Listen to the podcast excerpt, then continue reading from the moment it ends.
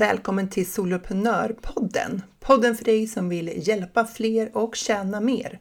Jag heter Jill Nyqvist och det är dags att skapa stordåd.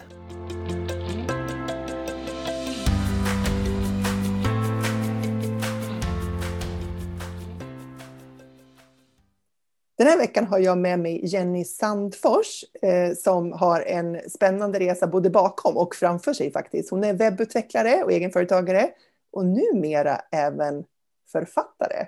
Varmt välkommen till Soloprenörpodden Jenny! Men tack så jättemycket! Jättekul att vara här. Ja, jag har ju liksom fiskat lite grann efter att du ska vara med i podden i, i omgångar, men nu är jag så glad att det, det blev av nu. Ja. Ja ska, du ja, ska du presentera dig vad det är eh, som du gör och naturligtvis måste vi också prata om ditt författarskap. Mm. Ja, men till vardags så är jag webbutvecklare som du sa eh, och då hjälper jag självfulla entreprenörer med det digitala. Så att många av mina kunder de, de, de gör mycket själv när det gäller hemsidor och kurssystem och sådana saker. Men sen ibland om de känner att det, det krånglar till sig eller de behöver spara tid och lägga på sitt eget, de kanske inte vill hålla på med de där bitarna. Då kan jag hoppa in och hjälpa till. Mm. Så att lite, lite punktinsatser eller lite större projekt. Och även lite, lite mm, coaching, så om de känner att de kanske sitter med någonting som de har trasslat in sig i och tycker att det känns skönt att liksom reda ut det med någon och titta på det med mm. lite andra ögon. Men om jag vill säga att jag har en, eh, är det Wordpress du hjälper till i mest då eller? Det är Wordpress och nu har det blivit ganska mycket New Sendler på senare tid. Just det. Folk som mm. vill göra kurser mm. och memberships. Eh, och WooCommerce och, och sådana saker. Ja, och mm. i Wordpress så tänker jag att det är så många, man har så många olika teman där, men du fixar alla teman. ja, nu har jag snöat in lite på Divi som är ett designtema som är så enkelt att sköta tycker jag. Mm. Det går att göra så himla mycket med det, det är så flexibelt samtidigt som det är lätt för kunden att justera och ändra saker. Så att, eh, alla nya produktioner nu så rekommenderar jag Divi. Men sen har jag kunder som har andra teman som, som har gjorts sedan tidigare och sådär och det, det är inga konstigheter så. Men... Nej, för en webbutvecklare så kan, så kan man se igenom de olika temavarianterna som finns. Ja, precis. Mm. mm. Ja, Okej, okay. så det, det jobbar du med eh, på ditt företag eh, Internetform. Mm. Och du håller till i? I Bollnäs i Hälsingland. Mm. Yes. Inte jättelångt ifrån var Soloprenörpodden spelas in. Nej, precis. Nej. Eh, och nu på senare tid så har ju ditt eh, företag fått ett nytt ben kanske man kan säga att det är. Ett om, nytt område. Mm ganska annorlunda område jämfört med webbutvecklingsområdet, eller? Ja, jo men det är det ju. Det är det. Sen eh, det jag kommer prata om i det området kommer gå in lite i det här med entreprenörskap och olika sätt, alltså mitt nya sätt att driva företaget och så för att Just det. Liksom vara hållbar och så. Ja. Men det här nya, det är? Jag har skrivit en bok. Just det. Ja, som handlar om min bipolära resa kan man säga. Mm. Och vad heter boken? Bipolär, fånge i min egen historia. Ja, när kom den? Den eh, lanserades i onsdags. Så den är helt så, färsk? Ja, precis. en vecka. Ja, och vad handlar den om och varför skrev du den? Eh, jo, men den handlar om eh, det, varvat liksom min resa i det här, att eh, få en bipolär diagnos. Eh, varvat med lite fakta och eh, tips kring att hur man kan eh, jobba med sig själv för att må bra mellan bipolära skov. Just det. Mm. För att sjukdomen funkar så att man är, in, man, har, man är inte sjuk hela tiden utan man, det går lite till och från, eller det kan gå till och från i sådana skov av sjuk. Ja, precis. Mm. Mm. Och du har hittat ett sätt att, eh, som funkar för dig för att eh, må, må bra. Ja. Ja, och när jag fick den här diagnosen så hade jag hade jättesvårt att acceptera den. Och hade för lite kunskap kring vad det handlade om. Så att jag trodde att nu kommer jag liksom vara sjuk jämt. Jag var rädd att jag inte skulle kunna jobba mer och jag älskar ju mitt jobb och att driva det här företaget. Eh, så att jag blev väldigt, väldigt rädd eh, och slösade mycket energi på det och energi mm. på att skämmas för det här. Och eh, var rädd för hur omgivningen skulle ta det om de fick reda på det. Så det var liksom mm. min hemlighet under några år. Um, När var det här då, om du tänker årtal? Ja, 2014 blev jag, alltså 2013 så gick jag in i en depression, det var så det började. Ja. Um, och när den äntligen började gå över efter att ha fått medicinering och, och hjälp kring det, så 2014 då började jag må bra igen och var liksom jätteglad över att äntligen är jag på benen. Eh, jag började känna sån livslust och fick så mycket ork och så.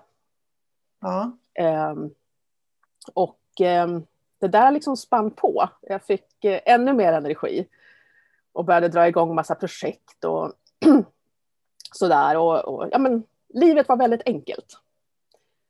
Um, jag fick världens självkänsla efter ett tag. Sådär. Riktig självkänsleboost. Jag kände att ja, men jag dög precis som jag var och världen var helt underbar och allt var liksom sådär fluffigt och rosa och härligt. Um, men eh, till slut så började liksom tankarna börja rusa jättesnabbt.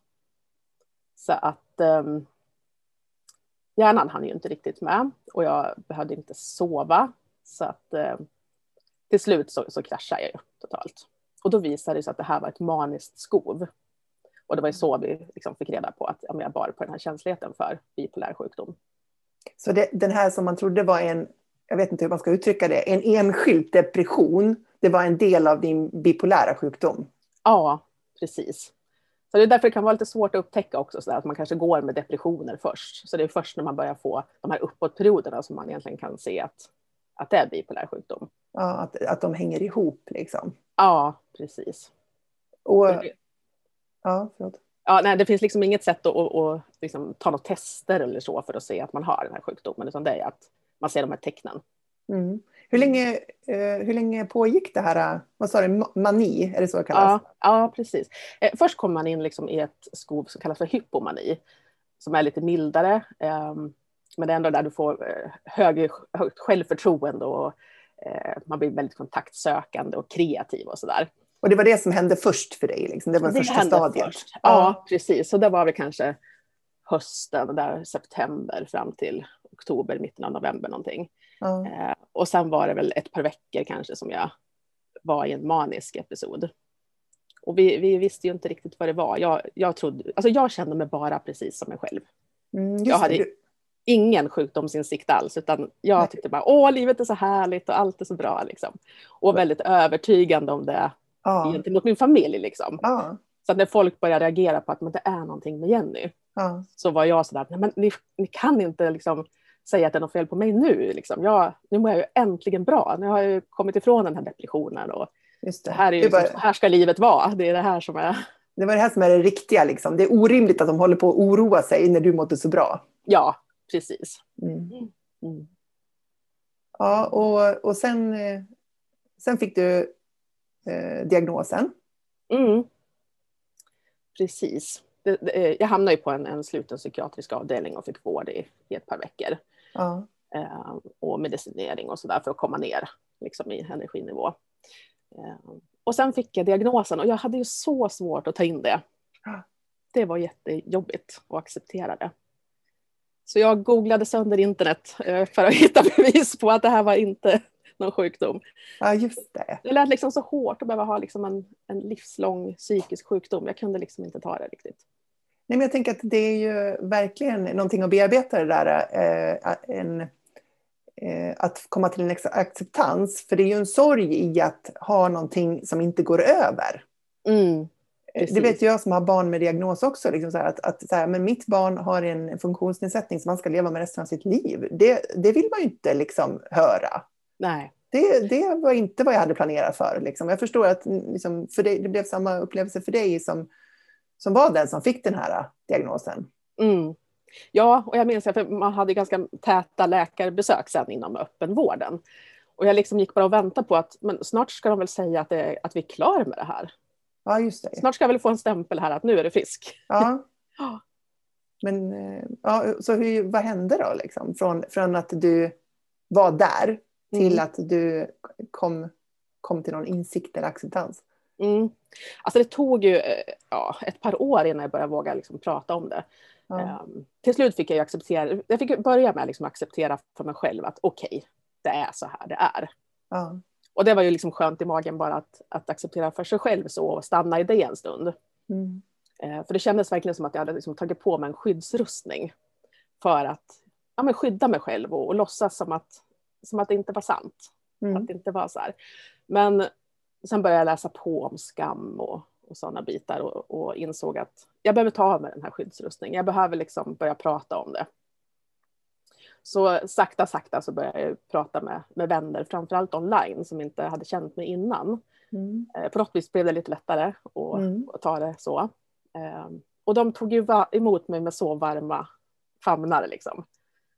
Så att även om det var skakigt och nervöst att prata om det så ju mer jag började prata om det ju lättare blev det ju. Mm. Och så har jag liksom utforskat och testat och jag har känt att jag vill förstå vad det här är för någonting. Vad är det här för sjukdom? Um, och försökt att hitta sätt att liksom må mitt bästa mellan de här skoven. För att även om jag hade fått medicin och det hade gått ett par år så mådde jag inte bra. Det var som att jag var i ett vakuum av det här med skammen och, mm. Och förnekelse och sådana här grejer. Um, så att jag började testa alla möjliga saker för att, för att kunna må bra. Då. Och ehm, ja, men hittade strategier och verktyg som jag satte ihop till, en, till ett system liksom, som jag jobbar efter. Både privat och på jobbet för att, ja, för att vara hållbar. Just det. Din, din modell för att eh, skapa en hållbar vardag. Mm, och vad, vad, innehöll, vad innehöll det här systemet? Eh, jag brukar säga att det är fem grundpelare. Det är dels rörelse och då är det liksom alltså röra på mig för att må bra. Ja, den liksom ingången in i det. Mm. För att då har det blivit något jag gör regelbundet. Förut var jag så här, jag rörde på mig för att gå ner i vikt. Just det. Och sa vågen att en felaktig siffra, då sket jag i allt. Ja, det spelar ingen ja. roll, så det gav inte Nej. resultat. Nej, Nej. precis. Mm. Det har blivit en helt, alltså bara att ändra sitt mindset kring det har ju blivit att rörelse har blivit på ett helt annat sätt för mig. Mm. Eh, jag gör det för att må bra. Sen är det eh, bränsle kallar det, det handlar om, om mat, alltså vad jag stoppar i mig. Att jag försöker hitta eh, ja, men mat som gör mig glad, mat som alltså, får, får blodsockret att vara jämnt över dagen så att jag inte svajar i det. Liksom. Så bara en sån enkel grej som att försöka komma ihåg mellanmål på dagarna har gjort stor skillnad för mig. Mm. Eh, och sen jätteviktigt med det själsliga, alltså inombords. Ta hand om, om tankar och känslor och, och följa liksom själens längtan så. Mm. Eh, på olika sätt. För på något vis har det känts som att när man var deprimerad och sådär att man har liksom ont i själen på något vis. Mm. Och sen eh, en balans mellan att göra och vila. Framför allt på jobbet, men det kan man ju även ta med sig på fritiden. Liksom att sitter jag och jobbar mycket och är högpresterande och se till att få in pauser och återhämtning he över hela dagen. Inte bara liksom vänta tills det blir lunch, utan små pauser regelbundet. Det gör sån otroligt stor skillnad. Mm. Mm. Vad är grundpelarna? Det är de fem grundpelarna. Ja. När du beskriver dem så, där så känner jag att det där är ju någonting vi alla skulle må bra av. Att ha koll på de där. Ja, jo men man, absolut. Ja, men hur man rör sig och hur mm. man återhämtar sig och eh, tar hand om sig vad det gäller mat och, och alla de delarna är eh, viktiga för oss. Mm. Eh, men för dig blir det liksom ännu viktigare då för att du har den här bipolära sjukdomen att du behöver vara mer omsorgsfull kring de här delarna för att må bra. Ja, men jag känner det. Det har gjort sån otroligt stor skillnad. Så att nu när jag liksom står på andra sidan vägen mm. så känns det som att det var, fanns en mening med att komma hit. För att så här bra har jag ju aldrig mått på ett bra sätt. Liksom. Nej. Tycker du att du mår bättre nu än vad du gjorde innan du fick den här första depressionen som sen ledde till den här ja. diagnosen? Ja, absolut. Det är stor skillnad. Och det är just det att jag tar hand om mig. Om jag liksom, det är klart att jag faller av vägen och glömmer bort eller liksom halkar åt sidan ibland. Men mm den här medvetenheten gör att jag tar mig upp igen och fortsätter följa de här vanorna och rutinerna som jag har. Mm. Och då känner jag verkligen att oj, vilken skillnad det är. Vilken, vad bra det är att jag gör det här för mig själv. Mm, så det blir liksom självförstärkande i sig själv, bara upplevelsen av att må så mycket bättre. Ja, mm. ja. precis. Mm. Men hur kom du fram till de här då? Liksom? Hur, hur gick den här processen till? Ja, men jag testade allt möjligt sådär. Åkte på retreater, jag gick kurser online och jag har varit med i memberships och ja, läst mycket och så liksom försökt testa och känna efter vad passar mig. Mm. Och så försöka ta liksom lite godbitar från olika eh, modeller. Liksom. Mm. Eh, och sen tänker jag att det här är ju liksom livslångt så att det här får man ju justera och ändra på allt eftersom hur, hur livet ser ut. Mm. Men det är ändå mm. som grundpelare som i sig själva består men sen huret inom dem kan se lite annorlunda ut över tid. Ja men precis, och jag tänker att det verkligen kan anpassas utifrån olika personer. Mm. Jag tänker nu, jag blev ju så här hjälpt av det, då borde rimligtvis fler kunna bli det. Och att det är ganska öppet, det är inte så här att du ska röra dig på det här sättet eller du ska äta den här maten, utan man får hitta sitt eget inom de här grundpelarna. Ja. Mm. Och eh, hur kom det sig att du skrev boken då? då? Ja, det började som, som dagboksanteckningar. Mm. Så jag hade ju skrivit dagbok även under liksom min maniska episod och hur jag tänkte då och sådär. Eh, och mycket efteråt, för det var väldigt frigörande att få, få skriva av sig. Så fortsatte jag med det där och kände till slut att ja, men, jag vill kunna bidra och göra någonting för att stigmat i samhället ska minska.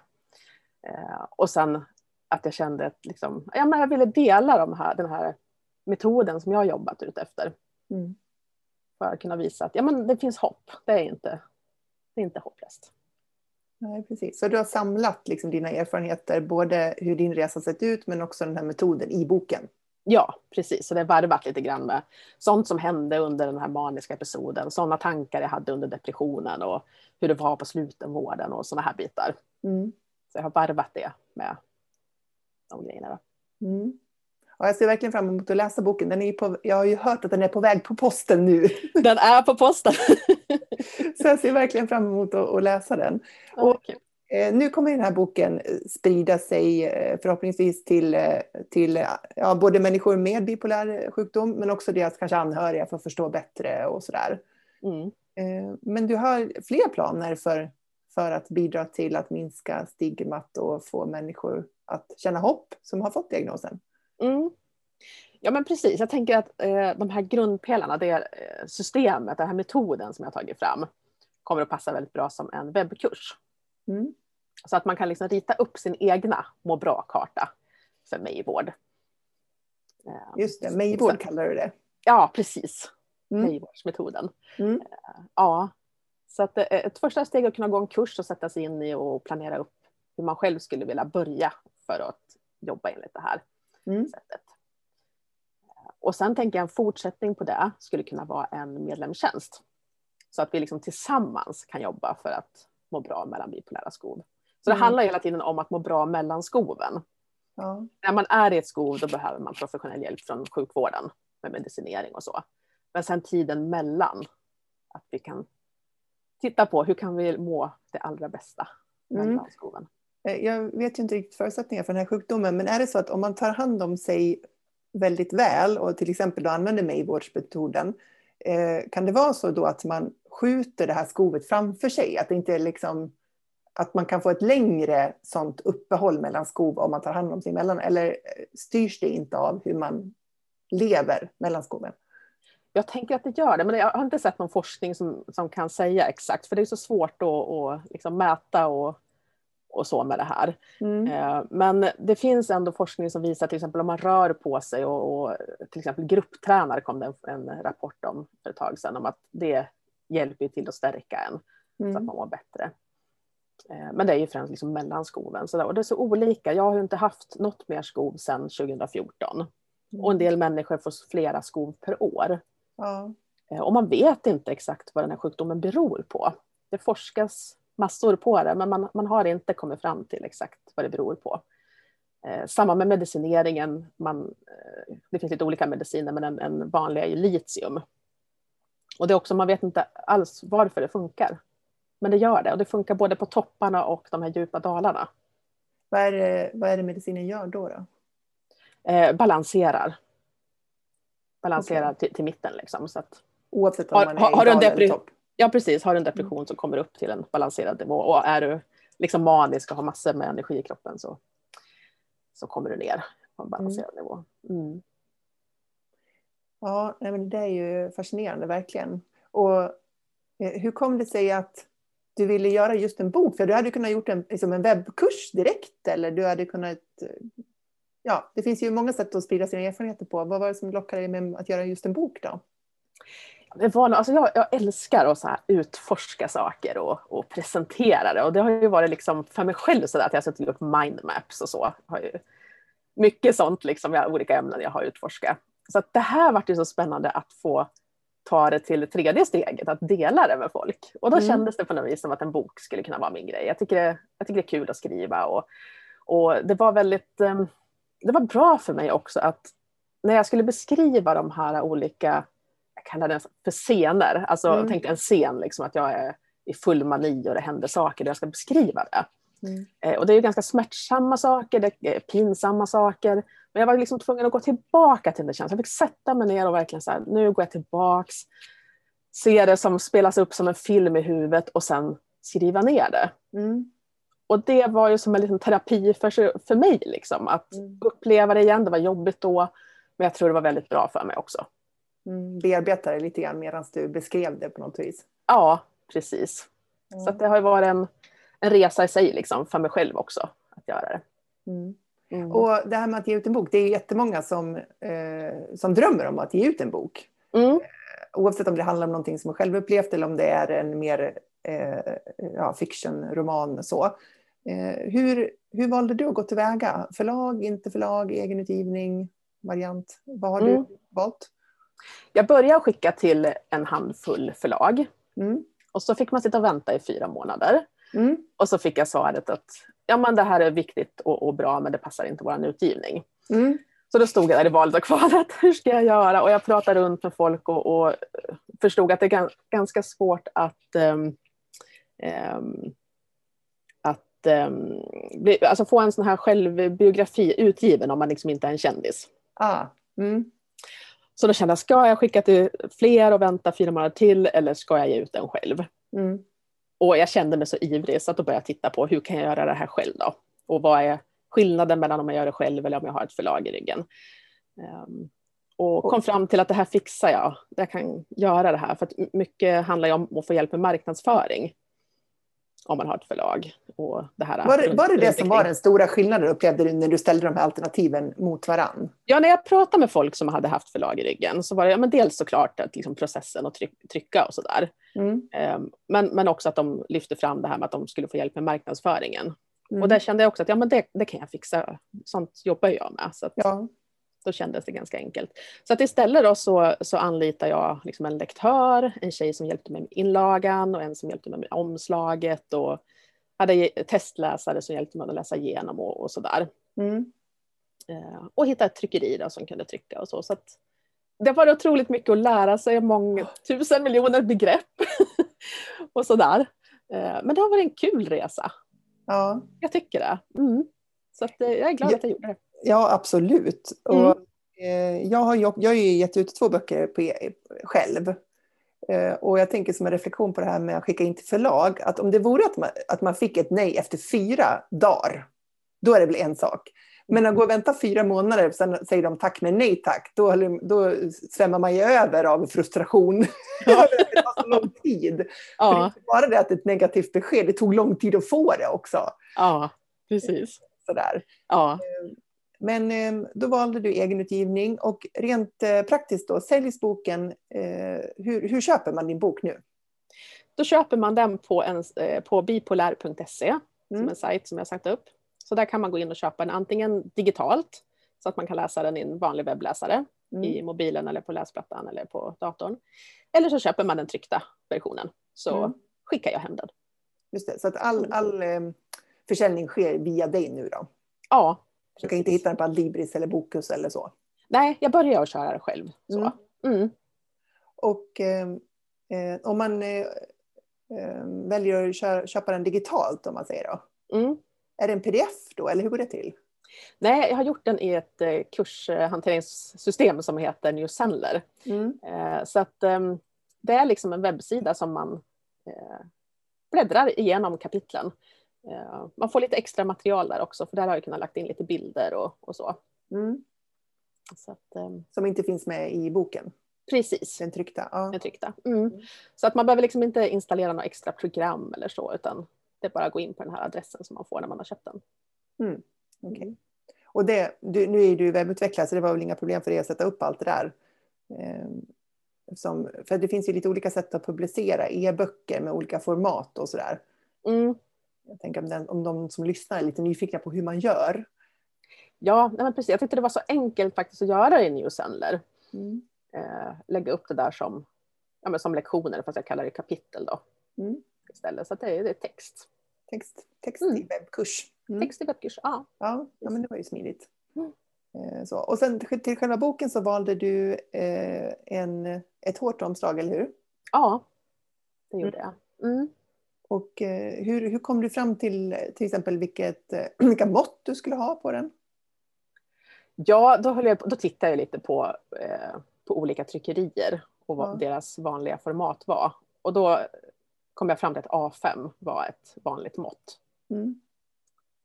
Så att det måste man ju bestämma för att köra sen när man ska skapa både inlaga och omslag så att det där hänger ihop, att man får rätt mått på allting. Precis, för att det man upptäcker när man skriver en bok och ska liksom gå igenom hela den här processen som du har gått igenom nu, det är ju att det är galet många beslut att fatta. Ja. Ja. Oj, oj, oj. Vad Det, finns, det, finns ingen liksom, det finns ingen som fattar dem åt en, men man måste ta ställning till allt. Ja. Ja, jag, jag jag minns när jag tyckte att jag hade tagit så många beslut och kände att men nu, nu finns det inte så mycket mer att fråga. Då hörde Sara av sig som hjälpte mig med omslaget och sa den här färgen på ryggen, ska den liksom gå över den vikta kanten på baksidan eller ska den sluta precis vid, vid ryggen? Och då var så här, oj, jag vet inte. Nej. Ja, då fick vi sätta oss och titta och fundera vad som skulle bli snyggast. Ja. Nej, men det är så mycket, nu- för jag menar, alla har ju läst böcker liksom, och sett hur många böcker som helst. Men man har ingen aning om hur mycket detaljbeslut som man måste verkligen liksom bestämma sig för, för att det ska bli den där boken. Ja, nej, precis. Men det upptäcker man när, när man gör eh, själv, särskilt om man gör och, och fattar alla beslut själva. För att jag tänker att har man ett förlag så har de vissa standarder och de, de tycker saker liksom, som de Ja, driver. Liksom. Mm, ja, precis. Så, att, så att den hjälpen är ju säkert ovärderlig om man har förlaget så att det finns mycket att bolla, någon att bolla Mm. med. Liksom. Mm. Men så tänker jag rent också ekonomiskt, för det du har fått göra nu antar jag då, det är att du har bekostat tryck och, och produktionskostnad själv. Mm. Eh, Men, och nu får du också alla intäkter för boken själv. Ja, Och då ska man väl säga så här, min erfarenhet som har skrivit två böcker och sålt över i alla fall, jag tror att jag har sålt över 2000 böcker nu totalt sett. Det är att vill man bli rik så är det svårt att bli rik på en bok. mm, ja precis. Så att jag föreslår att om man vill skriva en bok så ska man göra det med, eh, utifrån ett annat syfte liksom, än att man ska kunna leva på sin bokförsäljning. Det kan ju vara en del av liksom, intäktskakan om man säger. Eh, men det krävs en ganska hög försäljning för att det ska bli liksom, riktiga pengar som man kan räkna med i sitt företag. Eller vad är din uppfattning? Jo men absolut, jag, menar, jag tror man får se det som en del i något, annat, något, som, något större som man tänker sig. Mm. Eh, och att, precis som du säger, man måste, behöver ha liksom ett, ett, en vision eller ett syfte liksom med att ja, men det är någonting man så gärna vill dela. Jag, menar, jag hade ju många eh, stunder där jag funderade om det här verkligen var rimligt att jag skulle gå ut och prata om det här. Från att liksom inte kunna erkänna det för mig själv Ja, till att sprida det för världen. Jag menar, jag har gått framåt, jag har backat tio steg så många gånger. Men jämt när jag har liksom tänkt att Nej, men nu får jag ge mig, jag kan inte prata om det här. Det går inte. Så har jag ändå liksom bubblat inuti mig att jo, jo, jag vill dela. Liksom en liten, liten röst där inne som har sagt att det här är värt att dela. Mm. Det finns ett syfte med det. Och, och till slut så blev den liksom, det där blev nästan som en längtan, liksom, att ja, men, jag vill ut och prata om det här. Mm. Mm. Ja, vilken resa du har gjort där, tänker jag, eh, bara kring ditt tankesätt. Från, Ja. från det här liksom totala, eh, vad är motsatsen till acceptans? Förnekande. Ja, förnekelse. Ja, Ja. förnekelse. Från det till att eh, jag skriver nu den här boken och berättar min historia i syfte att hjälpa andra. Mm. Ja, men det är, alltså just det här att gå och hemlighålla någonting, alltså det kräver ju så mycket energi. Ja. Och jag, menar, jag som bor i Bollnäs, det är inte en jättestor kommun. Så bara, för, eftersom jag äter litium så behöver jag gå och lämna blod en gång i kvartalet för att de ska Mm. kolla nivåerna av, av litiumkoncentrationen. Och där sitter ju liksom kompisarnas, eller barnens kompisars mammor och ska ta det här provet på mig. Ja, och vilken just skillnad det är nu när jag kan gå in och liksom tjena tjena, man kan småprata. Jämfört med förut, där jag liksom, ah, det kändes som jag skulle bara vilja springa därifrån om jag såg att det var någon som skulle kunna känna igen mig. Liksom. Ja. ja, Mm. vilken skillnad. Särskilt för saker man måste göra återkommande. Ja, precis. Men det måste ju betyda att du är lite så här eh, lokalkändis nu då, för det kan inte vara hur många som helst som har skrivit en bok i Bollnäs. Ja, det vet jag inte. Kanske blir stoppad på, på Coop nu. Ja, men min son som är tonåring han kom upp här och så klämde han lite på boken och sa men mamma, har du tänkt på att du är en riktig författare nu? Och så öppnade han och så såg han innehållsförteckningen. åh, en sån här innehållsförteckning, ja, då är det en riktig bok. Vad härligt! Ja. ja. Ja, du är en riktig författare nu. ja. Hur, känns, hur känns det? Jo, men det känns lite stort. Lite härligt. Mm. Mm. Men hur, eh, vad tänker du kring eh, den här delen av ditt företagande nu? För man tänker så här, webb, eh, webbyrån som du jobbar med där, det är liksom en typ av verksamhet. Eh, men det här blir liksom någonting annat. Även om du tar med dig liksom dina kunskaper i hur du jobbar och hur du mår bra och så i båda delarna så blir det här en ny nisch kan man säga då. Mm. Ja, det blir en ny nisch, det blir det ju. Så att jag håller dem liksom lite separat så. Men samtidigt att jag kan ändå prata om det här i, i mitt företag. Att det inte behöver vara den här hemligheten. Mm. Jag var ju så rädd att kunderna skulle försvinna, att jag inte skulle kunna driva företaget. Men, men så var det inte. Och jag har fått nya kunder som har blivit kunder efter att de har fått reda på det och så. Mm. så jag vill liksom öppna upp för en... Alltså, om vi kan få en mer öppenhet kring det här i samhället. Både för oss som entreprenörer och gentemot varandra och så, men också de som är anställda. Alltså att vi behöver prata om sådana här frågor i näringslivet. Mm. Att det inte ska vara liksom, eh, så svårt att prata med sin chef om det till exempel. För att det är inte så stora grejer som behöver till för att man ska kunna vara högpresterande till exempel. Eller funka bra i arbetslivet. Det, jag menar, från början tänkte jag att ja, men det måste till något revolutionerande för att jag ska må bra eller för att det här ska Mm. funka och, och jobba med. Men det var ju de här små stegen, små grejer som jag gör. Mm. Som inte alls är så krångliga och svåra. Och jag tänker att tack vare att du är öppen med det här nu och så har du eh, kunder du jobbar med och de märker att du är en helt vanlig trevlig person som gör ett bra jobb. och du har på, bipolär sjukdom. Vilket gör att de får en personlig erfarenhet, precis som jag har en personlig erfarenhet av dig. Mm. Eh, att "Nå, men det här var inte så konstigt. Liksom. Det här, Mm. det här, alltså just när man får en egen upplevd eh, erfarenhet gör ju att eh, nästa gång som någon pratar med mig om bipolär sjukdom kommer jag att tänka på dig och ha dig som förebild i det. Att det är inga konstigheter. Mm. Det är varken skamfyllt eller behöver omkullkasta och förstöra allting eller eh, leda, automatiskt leda till att man inte förmår saker längre. Nej. Nej men precis, det, som du säger, erfarenhet och kunskap. Mm. Att, vi, att vi sprider kunskap kring det här så att man inte ja, men blir rädd eller tänker att det är något konstigt eller det blir massa fördomar kring det. Mm. Eh, Men då, då, det som kommer ingå liksom i ditt eh, företagande där då på sikt, det blir både så här, nu finns boken och sen har, när tänker du att webbkursen ska komma då? Eh, maj, juni någonting är min Nu tanke i där. maj, juni. Ja, precis. Ja. Att jag startar igång med en webbkurs. Mm. Ehm, och så får jag se lite erfarenheter kring det, vart det Mm. leder. Men att kunna starta upp en medlemstjänst sen. Som, eh, som du tänker att man kan, man går kursen först och sen kanske man vill fortsätta i någon form av community där man eh, fortsätter att utvecklas och, och få må bra och så. Ja, men precis. Det finns otroligt mycket man ska kunna göra, liksom att ha olika teman och, och fokusområden och sådär. Och så samtidigt hjälpas åt att liksom påminna om de här vanorna, vad viktiga de är. Mm. Och det är ju liksom det som medlemstjänster är så bra på, just det här att upprätthålla över tid.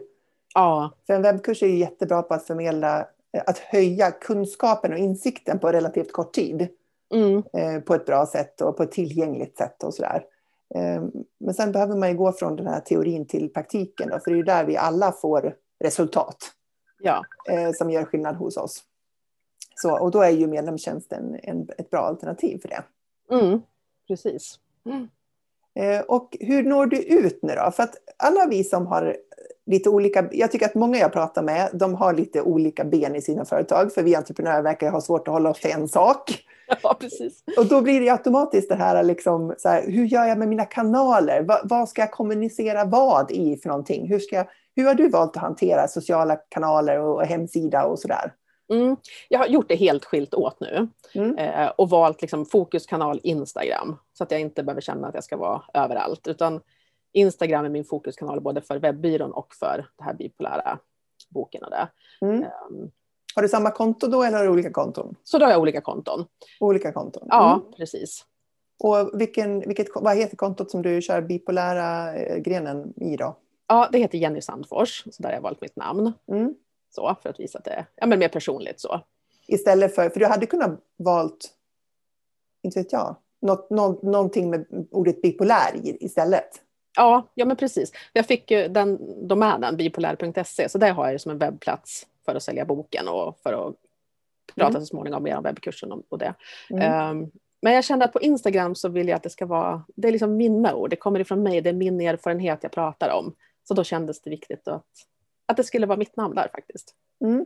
Så då har du ett Instagramkonto, eller du hade säkert det innan då, som heter Jenny Sandfors och sen har du internetform som är ditt andra Instagramkonto. Då. Mm, precis. Mm. Och sen är det helt olika webbplatser då. Ja, helt olika webbplatser, för det känns som att det, det hänger inte ihop så att det skulle Nej. kunna vara samma. Nej, utan det behöver vara olika. Har du två e-postlistor också då? Ja, precis. Mm. Mm. Så då, då är du precis som jag valt eh, att eh, driva det här i helt parallella spår. Liksom. Ja. Mm. Och varför har du valt det så då? Jo, men det kändes som att det var så stor skillnad i vad jag vill diskutera i de här kanalerna. Mm. För webbyrån där är det mer om entreprenörskap och tips och råd kring, kring webbitar, digitala bitar. Så. Mm. Eh, och på det bipolära kontot är det mer min erfarenhet och hur jag har gjort och det kommer bli liksom fakta om bipolär sjukdom och sådana Mm. bitar. Så att de går liksom inte ihop på det Nej. sättet.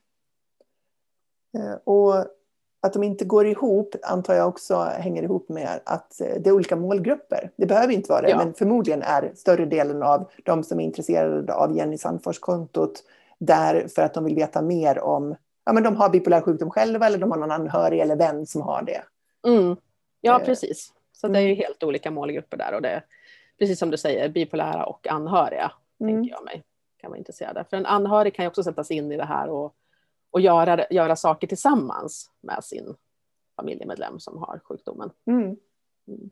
Absolut, jag menar, men det är man ju intresserad av. Jag tänker om, man, om man, det är ens partner som, som har sjukdomen eller om det är ens barn. Så Ja, vill man veta mer för att man ska kunna hantera det på bästa sätt. mm.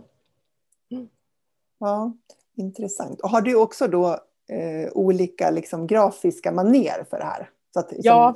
Har du valt ett eget stuk för Jenny Sandfors och bipolärsidan? Ja det har jag gjort. Mm. Så det blev liksom ja, men ganska olikt ändå eh, webbyråns. Mm. Mm. Det, det är mycket att ta ställning till så här, när man liksom startar i en ny nisch. För att då plötsligt inser man att man måste låta och se ut på något sätt som särskiljer från Mm. det andra. Ja, precis. Ja. Ja, men eh, spännande att höra. Ehm, och jag tänker att det är, eh, det är väl inte helt ovanligt det här med att man går och funderar på, eh, man har den här passionen för något område och inte vet om man ska liksom förpacka det. Så här, ska det bli en podd? Ska jag starta en blogg? Ska jag skriva en bok? Ska jag göra en webbkurs? Ska jag göra en medlemstjänst? Och då kan man säga så här, svaret på alla frågor är att du kan välja vilket som Ja, det handlar bara liksom om, vad, som du säger, jag, jag tyckte om att skriva. Jag hade Mm. allt det här materialet innan. Och en bok kändes eh, rätt för mig. Mm. Ja, det är ju skäl för beslut. ja. Ja men precis, känna in vad man själv tycker är, känns lustfyllt och ja, men, lite lätt sådär också. Mm. Mm. Och sen eh, kan man bygga på, som du har tänkt då, med Mm. övriga som online-tjänster som är mindre gripbara än en fysisk bok. Då. Mm. Precis. Och, eh, så. och egentligen, både webbkurser och eh, böcker är ju någon form av i princip skalbar och passiv inkomst. För man gör ett stort jobb en gång som man sen eh, säljer om och om igen. Mm. Precis. Det är bara att det är lite högre omkostnader när man trycker upp en bok jämfört med att sätta upp en webbkurs. Ja, jo det, det är härligt med det digitala så att man kan sprida det på ett annat sätt och, och även göra om och sådär. Man behöver inte känna att det är satt i sten om man gör någonting som är digitalt. Nej, jag måste ju fråga dig nu när du har fått boken. Har du hittat något stavfel i den? Jag har inte läst den sedan jag fick den tryckt. Nej. Men alltså, jag har läst den tusen gånger innan. Ja. Ja. Så att, um, För jag, nej, jag, jag har inte hittat något just nu. nej, skönt. men det Inte för finns att det- säkert. Inte Det för att finns säkert. Ja, och inte för att det egentligen spelar någon roll, utan jag bara så reflekterar över det när du säger att online kan man ändra.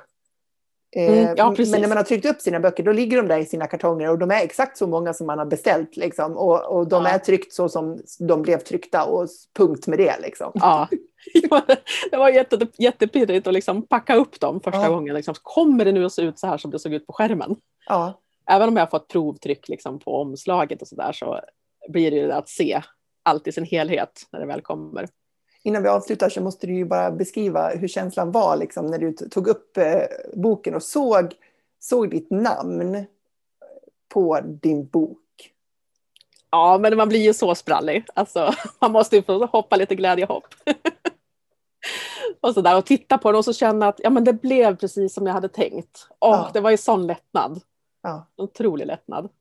Liksom, när färgerna stämmer och allt sitter där det, där jag har tänkt att det ska sitta. Det är ja, det. precis. Mm. Så man inte liksom har missuppfattat någonting eller flyttat på någonting i sista sekund som blev tokigt. Eller... Ja, det var jätteskönt att liksom ja. allt, allt såg ut som jag ville ha det. Fantastiskt. Ja, du har gjort ett stort jobb, absolut. Jag tyckte det var så coolt, så här, och här har jag ett eget ISB-nummer. Ja, precis. Det är den där lilla, för er som inte vet det, så den där streckkoden med ett ja. unikt nummer för boken. Eh, och det kändes på något vis så stort att jag hade ett eget. Ja.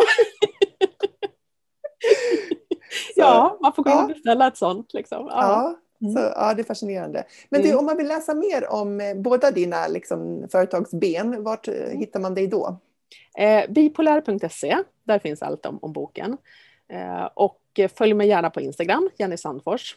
Och webbyrån heter Internetform, så det heter jag i alla kanaler. Internetform.se och sen Internetform på Instagram och Facebook och så. Just det.